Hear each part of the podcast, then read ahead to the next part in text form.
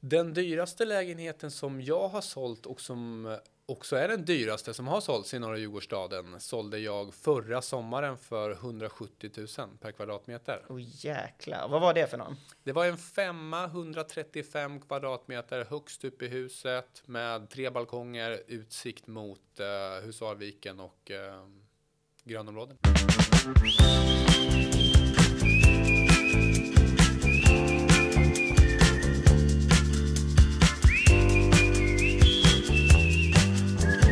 Välkommen allesammans till Visning pågår med mig, Magnus Detmar. Detta är en podcast för dig som ska köpa, sälja, förvalta eller förmedla en bostad. Idag sitter jag med ingen mindre än Kristoffer Pärenkrans här från Fastighetsbyrån Norra Djurgårdsstaden. Välkommen! Tusen tack, tusen tack. Hur är läget med dig? Bara bra, bara bra. Ja, härligt. Nu sitter vi på ert kontor. Stämmer bra. Stämmer Vilken, bra. eh, vilket nummer och vilken gata? Vi sitter på Bobergsgatan 55, Ja. centralt den norra Djurgårdsstaden. Vi sitter i våran lokal som vi flyttade in i för ett år sedan ungefär, en gammal Swedbank-lokal. Okej, Mm. Härligt. Och vad jag har förstått det som så ibland så tror folk att, ni fort, att fortfarande Swedbank sitter här. Ja, det tror de. Det kommer in någon om dagen ungefär och vill byta någon bankdosa eller lösa in någon check eller lite sådär. Okej, okej. Kan ni hjälpa med sånt fortfarande, eller hur ser det ut? Vi, vi måste vi hänvisar dem vidare till Hamngatan. Okej. Yes. Ja, härligt. Men innan vi eh, då eh, djupdyker i Norra Djurgårdsstaden, kan inte du berätta lite vem du är? Ja, men självklart. Kristoffer Pernkrantz heter jag, född och uppvuxen i Norrköping, 31 år gammal. Fyllde år igår faktiskt. Åh, grattis i efterskott. Tackar, tackar, Ja. tackar, tackar. Jobbar som eh, fastighetsmäklare såklart. Fick min registrering 2017 i juni och har jobbat i Norra Djurgårdsstad uteslutande sedan dess. Okej, Yes. nice. Mm. nice. 2017, så eh, hur många år blir det då? Fem och ett halvt. Fem och ett halvt Snart år. fem och ett halvt. Fem och ett halvt år, Yes. okej. Och eh, har du jobbat på Fastighetsbyrån hela tiden? Jajamän, hela tiden. Okej, och på detta kontoret hela tiden? Jajamän. Okej, Jajamän. härligt. Så då har vi en expert här i, i Norra Djurgårdsstaden då. Ja. Ehm, och eh, varför valde du just Norra Djurgårdsstaden? ja, men jag gjorde research ska jag säga. Jag var runt på lite olika företag, lite olika kontor, kände mig för och sen så landade jag i att jag ville vara i Norra Djurgårdsstaden. Dels för kollegorna, bra team och dels för att jag valde att jag vill vara i ett område, komma in tidigt och kunna växa med området på sikt. Mm. Och det känns som att nu, fem och ett halvt år senare, som att det var ett, eh, ett klokt beslut. Ja, Mm. verkligen. För att Norra Djurgårdsstaden då var inte vad det är idag. Nej, verkligen inte. Nej. Folk visste ju inte ens vart det låg. Man Mm. trodde att det låg ute på Djurgården någonstans. Ja, Så eh, det har varit en resa, får man säga. okej. Ute på Djurgården, det är roligt att du säger det. Och vi ska snacka lite mer om just eh, Norra Djurgårdsstaden och dyk, djupdyka i de olika eh, delarna och sådär. Ehm, hur många eh, lägenheter per år ungefär säljer du? Mellan 60 och 70. Kan 60 man och säga. 70, Jajamän. okej. Förra året omsatte jag 5,2. I år satsar jag på 6. Okej. Yes. Ja. Ehm, Okej, härligt. Ehm, är det någonting mer vi ska tillägga just om dig som mäklare och varför man då skulle välja fastighetsbyrån här? Nej, det tror jag inte. Vi kan eh, dyka in i norra Djurgårdsstaden. Ja, ja men härligt. Men innan vi gör det så eh, kollar vi först lite status på bostadsmarknaden. Mm.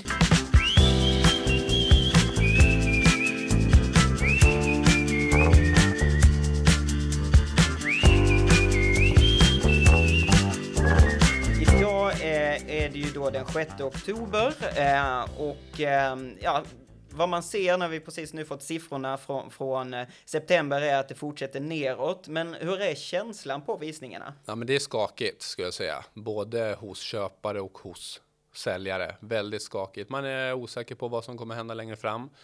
Det är ju inflation och ränta som man pratar om. Räntan har ju gått från 1,5 procent till 4,5 procent på bara sex månader. Vi har en fallande marknad. Vi vet inte vart det kommer stanna. Så um, väldigt osäkert skulle jag säga. Mm. Och på visningarna då, får man fler frågor kring ekonomin och sådär, eller hur ser det ut? Ja, jag skulle säga att det är väldigt mycket frågor om ekonomin. Hur många lån föreningen har, hur mycket de har i lån, belåning per kvadrat, när lånen löper ut, när de ska omförhandlas.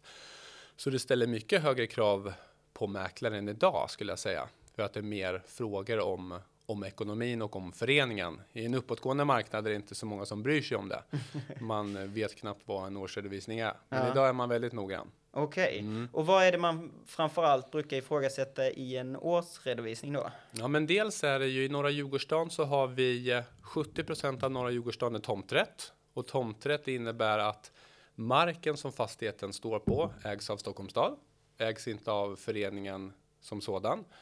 Och då har man tomträttsavtal som är 10 år och efter 10 år omförhandlas de här och historiskt sett så upptaxeras de här efter 10 år.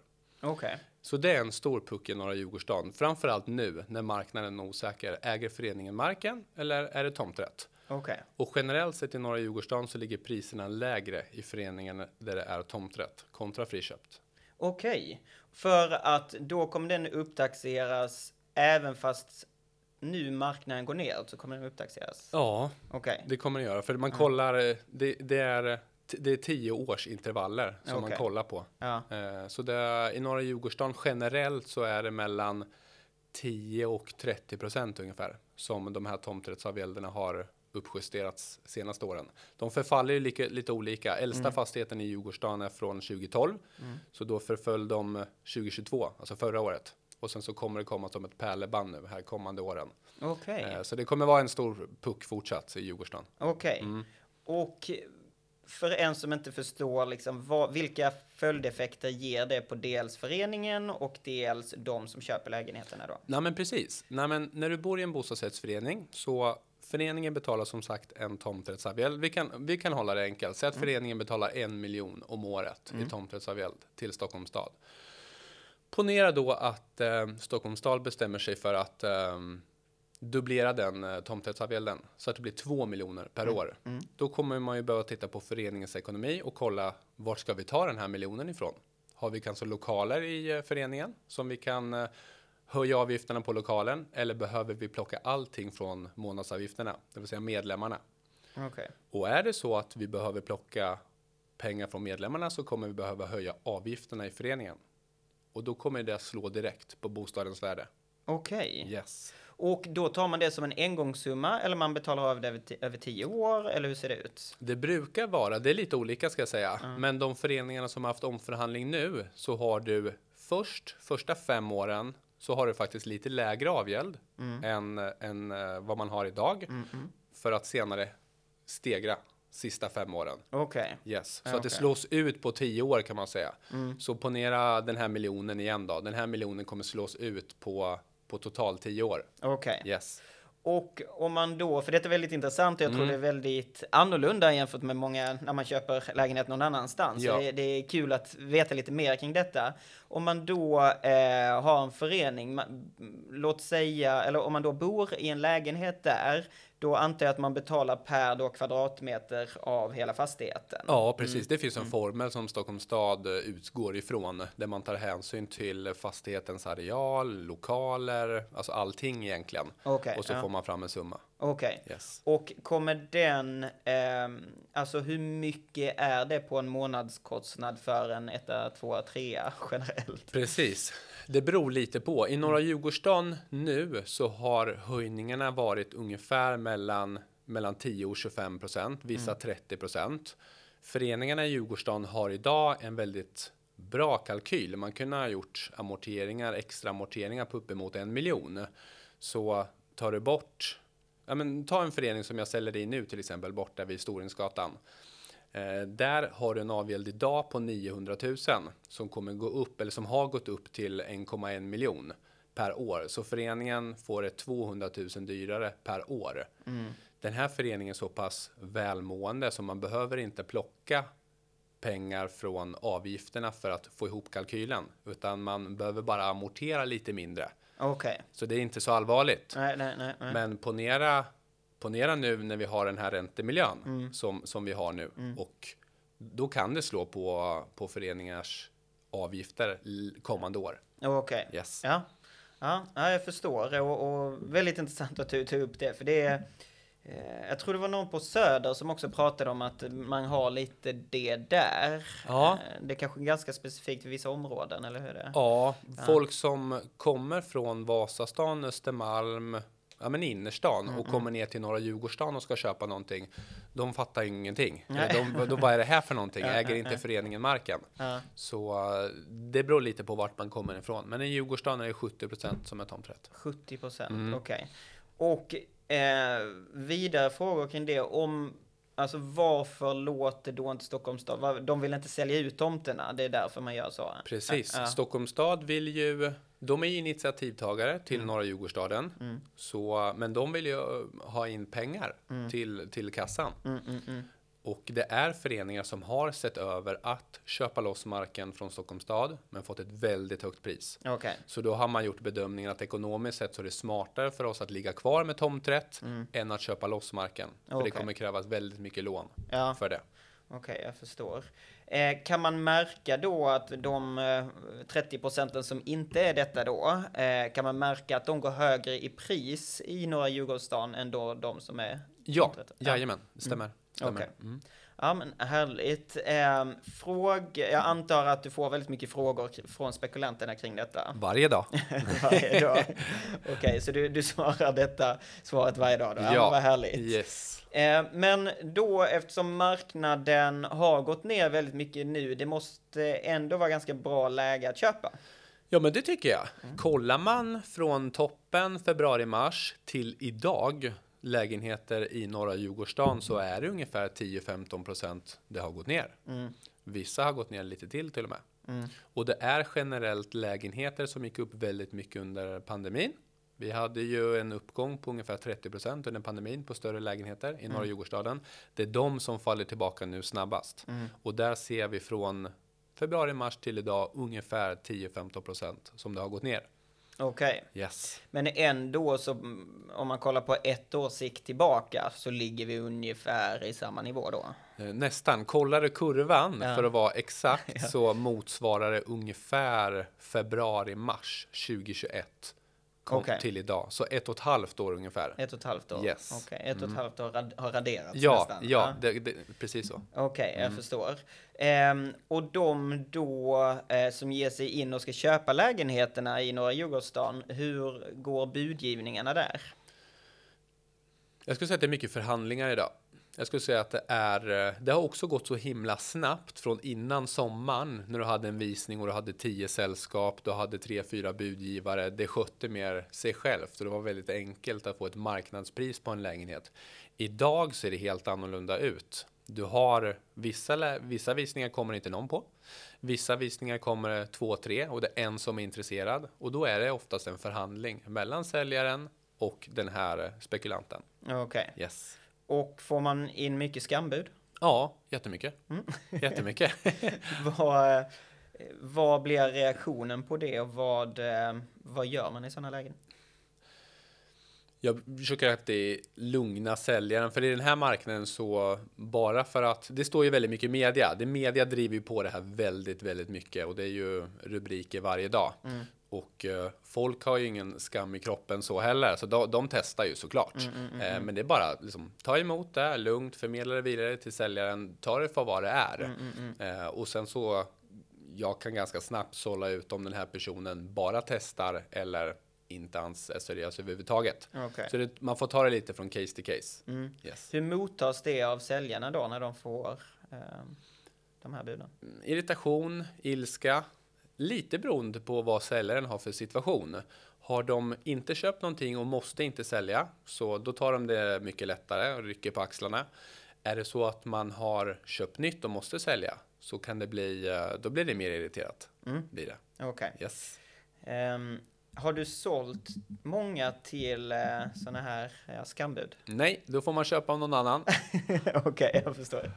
Ja, nej, men det är väldigt intressant att just så folk passar på och folk vill byta upp sig för att eh, procentuellt absolut har det minskat ungefär lika mycket, mycket på, på alla lägenheter, men eh, prismässigt, alltså faktiska kronor, så måste det ju vara väldigt stor skillnad på en trea än en, än en etta. Absolut, Mm. absolut. Eh, kan du märka att någonting har gått, mer, mm, gått ner mer än något annat?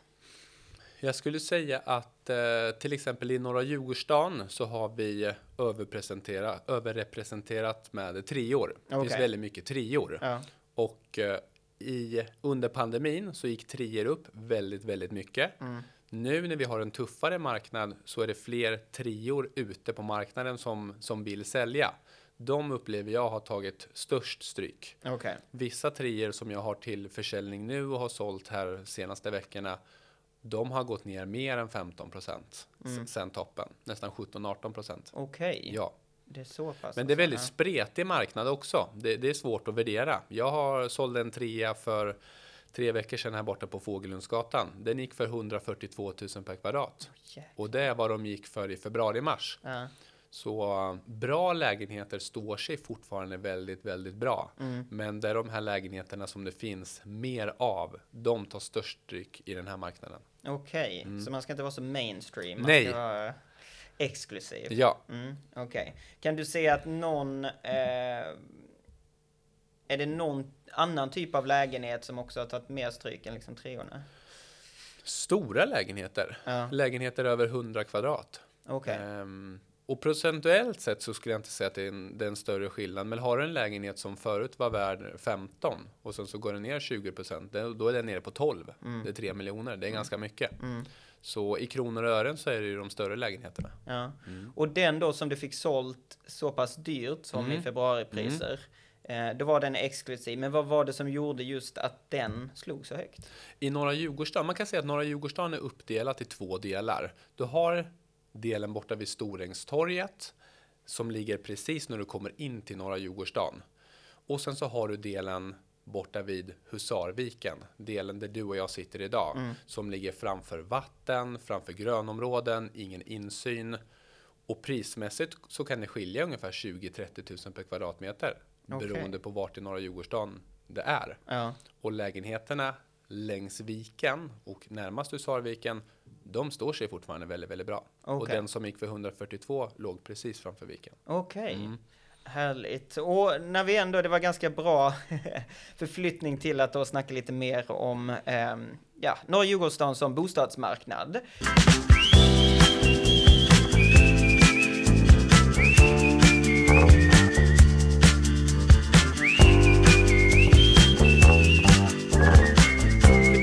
Inte vet någonting om Norra Djurgårdsstaden, för, eh, eh, Norra Djurgårdsstaden, för den som inte har varit här eller sådär, eh, vad är skillnaden mellan typ Gärdet och Norra Djurgårdsstaden och mer generellt, hur är Norra Djurgårdsstaden uppbyggt? Nej men precis, Nej, men Norra Djurgårdsstaden är en stadsdel som kom till för tio år sedan egentligen.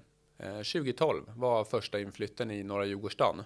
Och det här är ju tidigare bara industrimark. Det fanns ingenting här tidigare. Lite som Hammarby Sjöstad, gamla industrier som man har exploaterat och gjort ett bostadsområde av. Så för tio år sedan så eh, kom de första husen till här. Då var det, ja, det fanns ingenting här. Och sen så med tiden så har man byggt och idag har man byggt ungefär en tredjedel av vad Norra Djurgårdsstaden ska bli. Det är sagt att 2035 till 2040 kommer området vara klart. Och idag så är det 70% barnfamiljer som bor i Norra Djurgårdsstaden. Alla som, eh, inte alla, men 80% av de som flyttar hit är familjer. Unga par med barn som kommer från Östermalm, Vasastan, Söder. Som vill ha närheten till stan, men även grönområde. Det ska jag säga. Okej. Mm. Ja, vä- väldigt bra beskrivet. Och 2000, alltså, vad var det som hände där för tio år sedan då? Vad var... Det är ju Stockholms stad som är in initiativtagare till Norra Djurgårdsstaden. Okej, Så det ja. handlar ju om att Stockholm växer, vi behöver fler bostäder. Ja. Då såg man Norra Djurgårdsstaden som, eh, som ett bra område att exploatera. Okej. Mm. Ja, väldigt intressant. För det är extremt nytt på så sätt. Ja, absolut. Och jag skulle säga att Norra Djurgårdsstaden fick ju det, det största uppsvinget i samband med pandemin. I samband Okej. med, ja, och det är ju bara två och ett halvt år sedan egentligen. Mm, mm, mm. Och det har att göra med att folk, man, man kunde inte resa, man kunde inte åka utomlands. Man ville ha nära naturen och du ville fortfarande ha närheten till stan.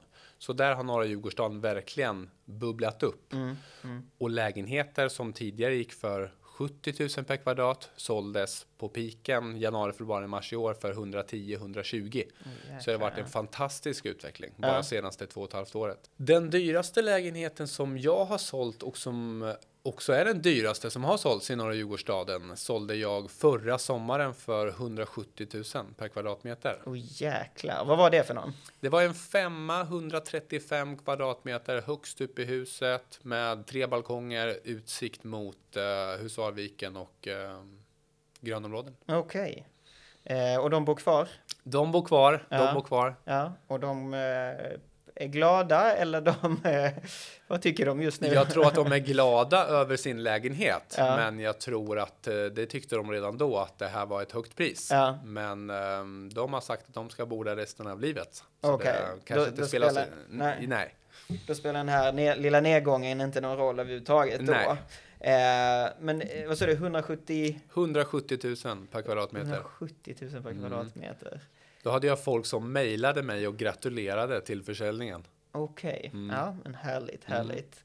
Eh, det är ju helt sjukt att man dyker upp i sådana, alltså för några år sedan tyckte man att så, ja men på Östermalm, eller typ Strandvägen, Ja, ja, då var det de priserna, Ja. men även i, i norra Djurgårdsstaden. Eh, tror du om vi går upp några procent nu i eh, ränta, låt säga 2-3 procent till, Mm, mm. Tror du att vi kommer se eh, en fortsatt nedgång eh, eller tror du att det kommer plana ut och ändå öka, låt säga om fem år, tio år? Nej, men jag tror att ehm, vi kommer höja räntorna mer. Mm. Jag tror att eh, bostadsmarknaden kommer fortsätta att falla. Mm. Jag tror att vi kommer bottna ur någon gång Q1, kanske Q2. Jag tror att... ehm, vi, 2023 då? ja, precis. Ja. Exakt. Jajamän. jajamän. Nej, men och sen så tror jag att vi kanske ska ner 5-10% till från vart vi är idag. Mm. Men att det sen kommer att eh, stabilisera sig. Mm. För jag tror när vi har fått bukt med inflationen så kommer vi kunna sänka räntan sen igen. Mm. Men vi har inte sett det värsta än.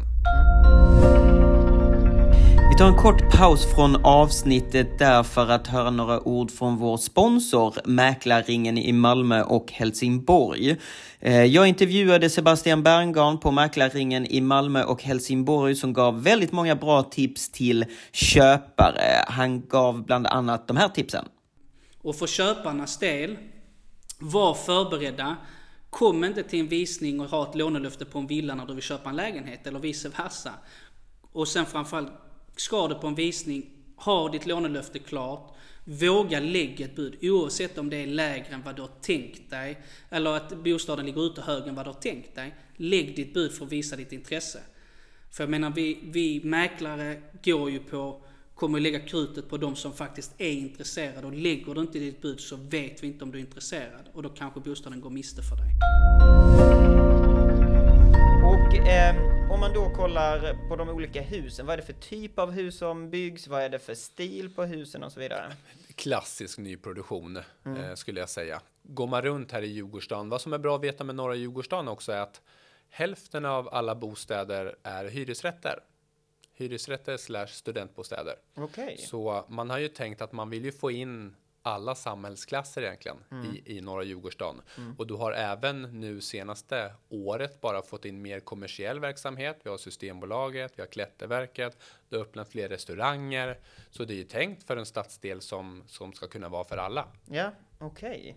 Härligt. Ehm, för det, några grejer jag har typ reagerat på när man kommer hit är de där, det finns några helt röda hus Precis, med röda de är omtalade. Ja. Jajamän. Vad, vad är det? Kan du berätta lite om dem? Ja, men jag tror att du tänker på eh, SKB-huset borta vid Storängstorget. Ja. Eh, en riktig vattendelare i norra Ja. Djurgårdsstaden. Vissa älskar det Ja. och vissa hatar det. Ja. Ehm, Och det, det är bostadsrätt? det är hyresrätter. Det är hyresrätter? Jajamän. Okej. Och det komiska är att det här huset har ju fått pris för ett av Stockholms vackraste hus. Jaså? Jajamän. Okej. Så det gör den här vattendelaren ännu tydligare. Okej. Ja. vad tycker du om den? Ja, men det är väl helt okej. Absolut. Ja, jag förstår. Ehm, men om man då pratar om vilka typer av lägenheter, så det har varit treor då som har varit hetast so far? Jag skulle säga treor, fyror och femmor har Mm. varit hetast i samband med pandemin. Och jag tror att det här är nog inte specifikt för norra Djurgårdsstaden, Mm. utan det här är nog hela Stockholm som sådant egentligen. Mm. Att folk har velat växla upp, velat haft ett extra rum, mer kvadratmeter. Och så har det även varit i norra Djurgårdsstaden. Okej. Bra att veta i norra Djurgårdsstaden också att ungefär 70% flyttar inom området. Så det är ett jättepopulärt område att stanna kvar i. Okej. Så det är många unga par. Bara under mina fem år så har det kommit väldigt många unga par som, får, som köper en tvåa. Så får man barn, så flyttar man till en trea. Får man andra barnet, köper man en fyra. Um, och sen så när man växer ur fyran så flyttar man till eh, villa radhus. Och Okej. då är det oftast Lidingö eller Danderyd Täby Okej. som är flyttströmmarna. Ja, Mm. härligt. Och då, då är du förmedlaren där mellan eh, två, tre och fyra? Jajamän, absolut. Nej, men det är flera lägenheter som jag har sålt tre gånger under mina fem år. Som, Det är så? Jajamän, absolut. Okej, så absolut. du kan dem innan och utan Ja, då? ja. Ja, men härligt. Eh, och eh, om vi då ska nämna lite gator, vilka gator är hetast, vilka är minst hetast? Vad kan du se att eh, det är på gång att bli lite mer populärt och sådär? Ja, men precis. Mm. Eh, hetast är gatorna som ligger längs Husarviken.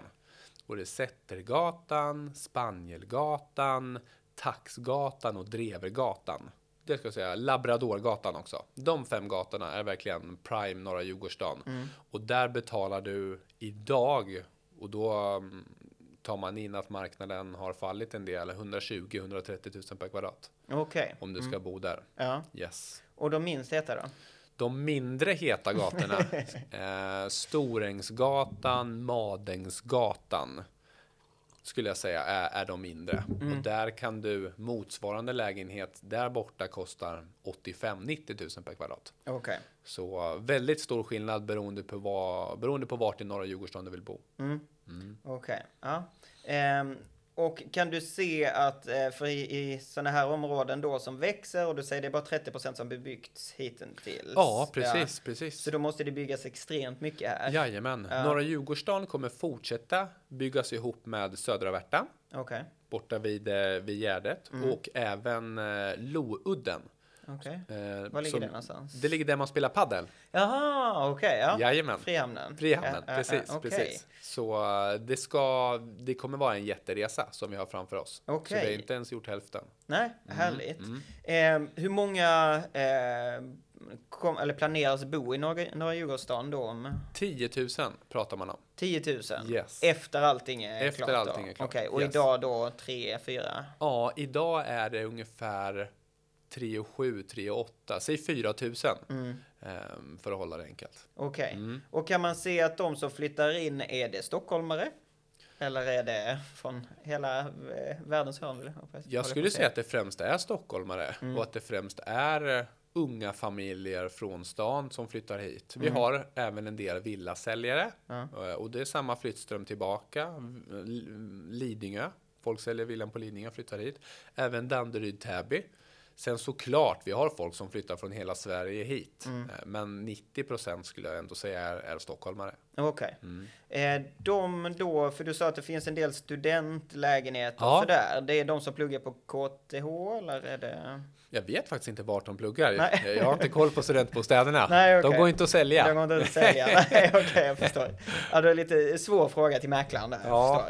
Ehm, hur ser det ut, för, eftersom allting är eh, ja, nyproduktion, hur ser det ut, hur stylar man lägenheter, hur ser de ut inomhus, vad finns det för stilar och så vidare? Mm.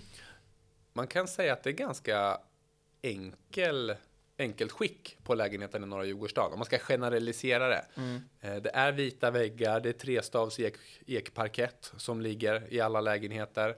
Det är eh, laminatbänkskivor, kök från Vedum. Alltså väldigt basic. Det är egentligen främst de här sista etapperna som har blivit till de senaste två, tre åren. Där har byggherrarna jobbat mer med lyx och man har haft färdiga koncept. Man har inte kunnat göra några tillval utan man har från början valt att göra en, en premiumprodukt. Och där är det kvartskomposit, det är enstav, extra takhöjd, ja, men en helt annan finish på det. Och Okej. det är också det som bidrar till att det är mycket dyrare på den här sidan också. Okej, Yes. ja, jag förstår. Eh, det, kan du se att det är en viss stil som verkligen folk går igång på? Är det just den stilen som folk gillar här eller totalrenoverar man lägenheten när man väl får ha köpt den? Det beror lite på. Jag skulle säga att generellt så tror jag, eller jag upplever att folk är beredda att betala lite extra för att ha det mer lyxigt och ha det mer klart. Jag uppfattar att folk är de är lite slöa. Man, man vill inte flytta in i en lägenhet som är fem år gammal och renovera. Nej. Utan då betalar man hellre några hundratusen extra för att det ska vara mer klart. Mm.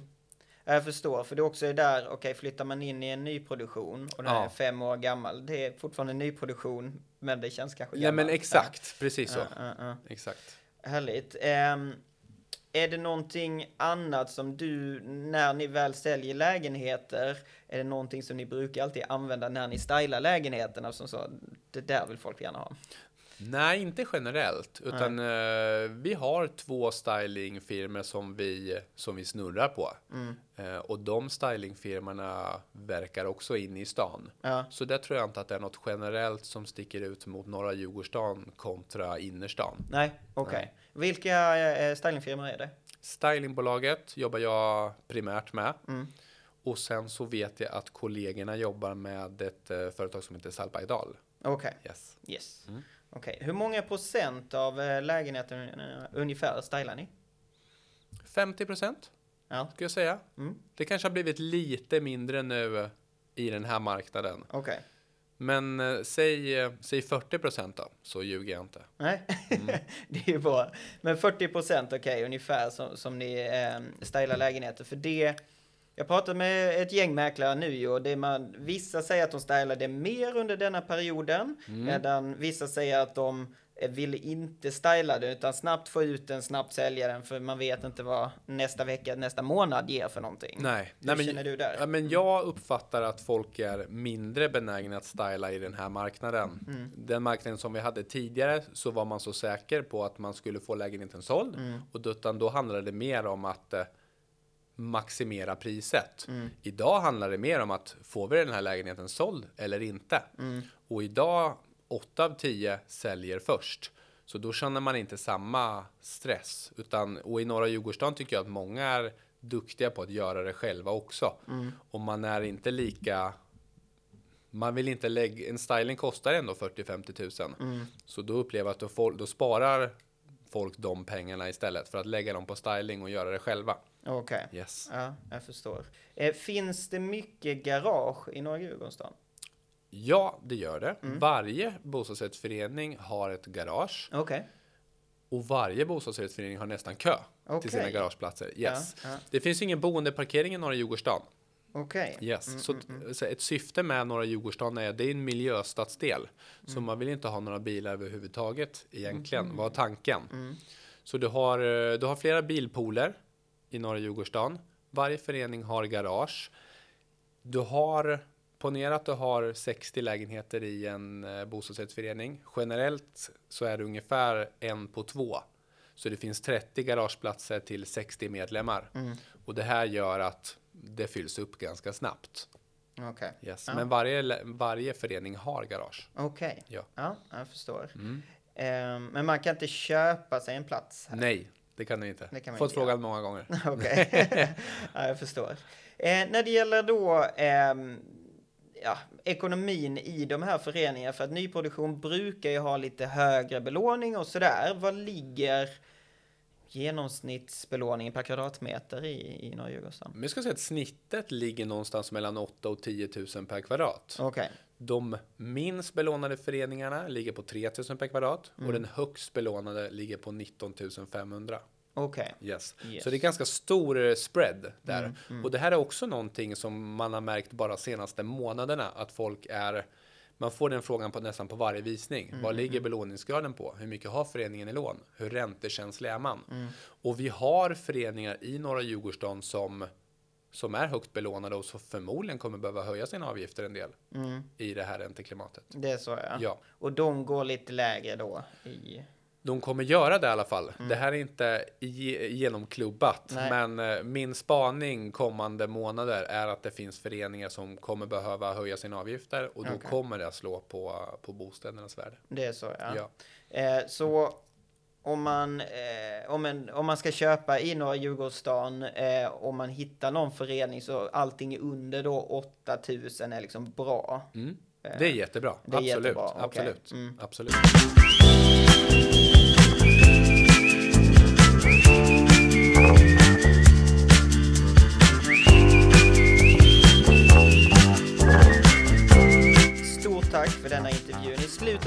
Intervju så brukar jag ju fråga om du kan ge tre tips till säljare och tre tips till köpare där ute när de ska köpa och sälja då i norra Djurgårdsstaden. Ja, men absolut. Och till köpare så skulle jag säga först skulle jag nog vilja lokalisera vart i norra Djurgårdsstaden vill jag bo? Vad är viktigt för oss? Är det att bo premium längs Husarviken? Tycker vi att det är värt de extra pengarna? Eller är det mer komfort, yta och storlek som vi värdesätter? Det, det måste man landa i mm. innan man bestämmer sig. Tycker jag det är väldigt viktigt att man kollar i den här marknaden på bostadsrättsföreningen och att man kollar på ekonomin och man kollar äger föreningen marken eller är det tomträtt? Jätte, jätteviktigt och kolla belåningsgraden och även göra sin riskkalkyl. För även om du köper en förening med hög belåning så betyder inte det att det är något dåligt. Bara man är medveten om vad det innebär.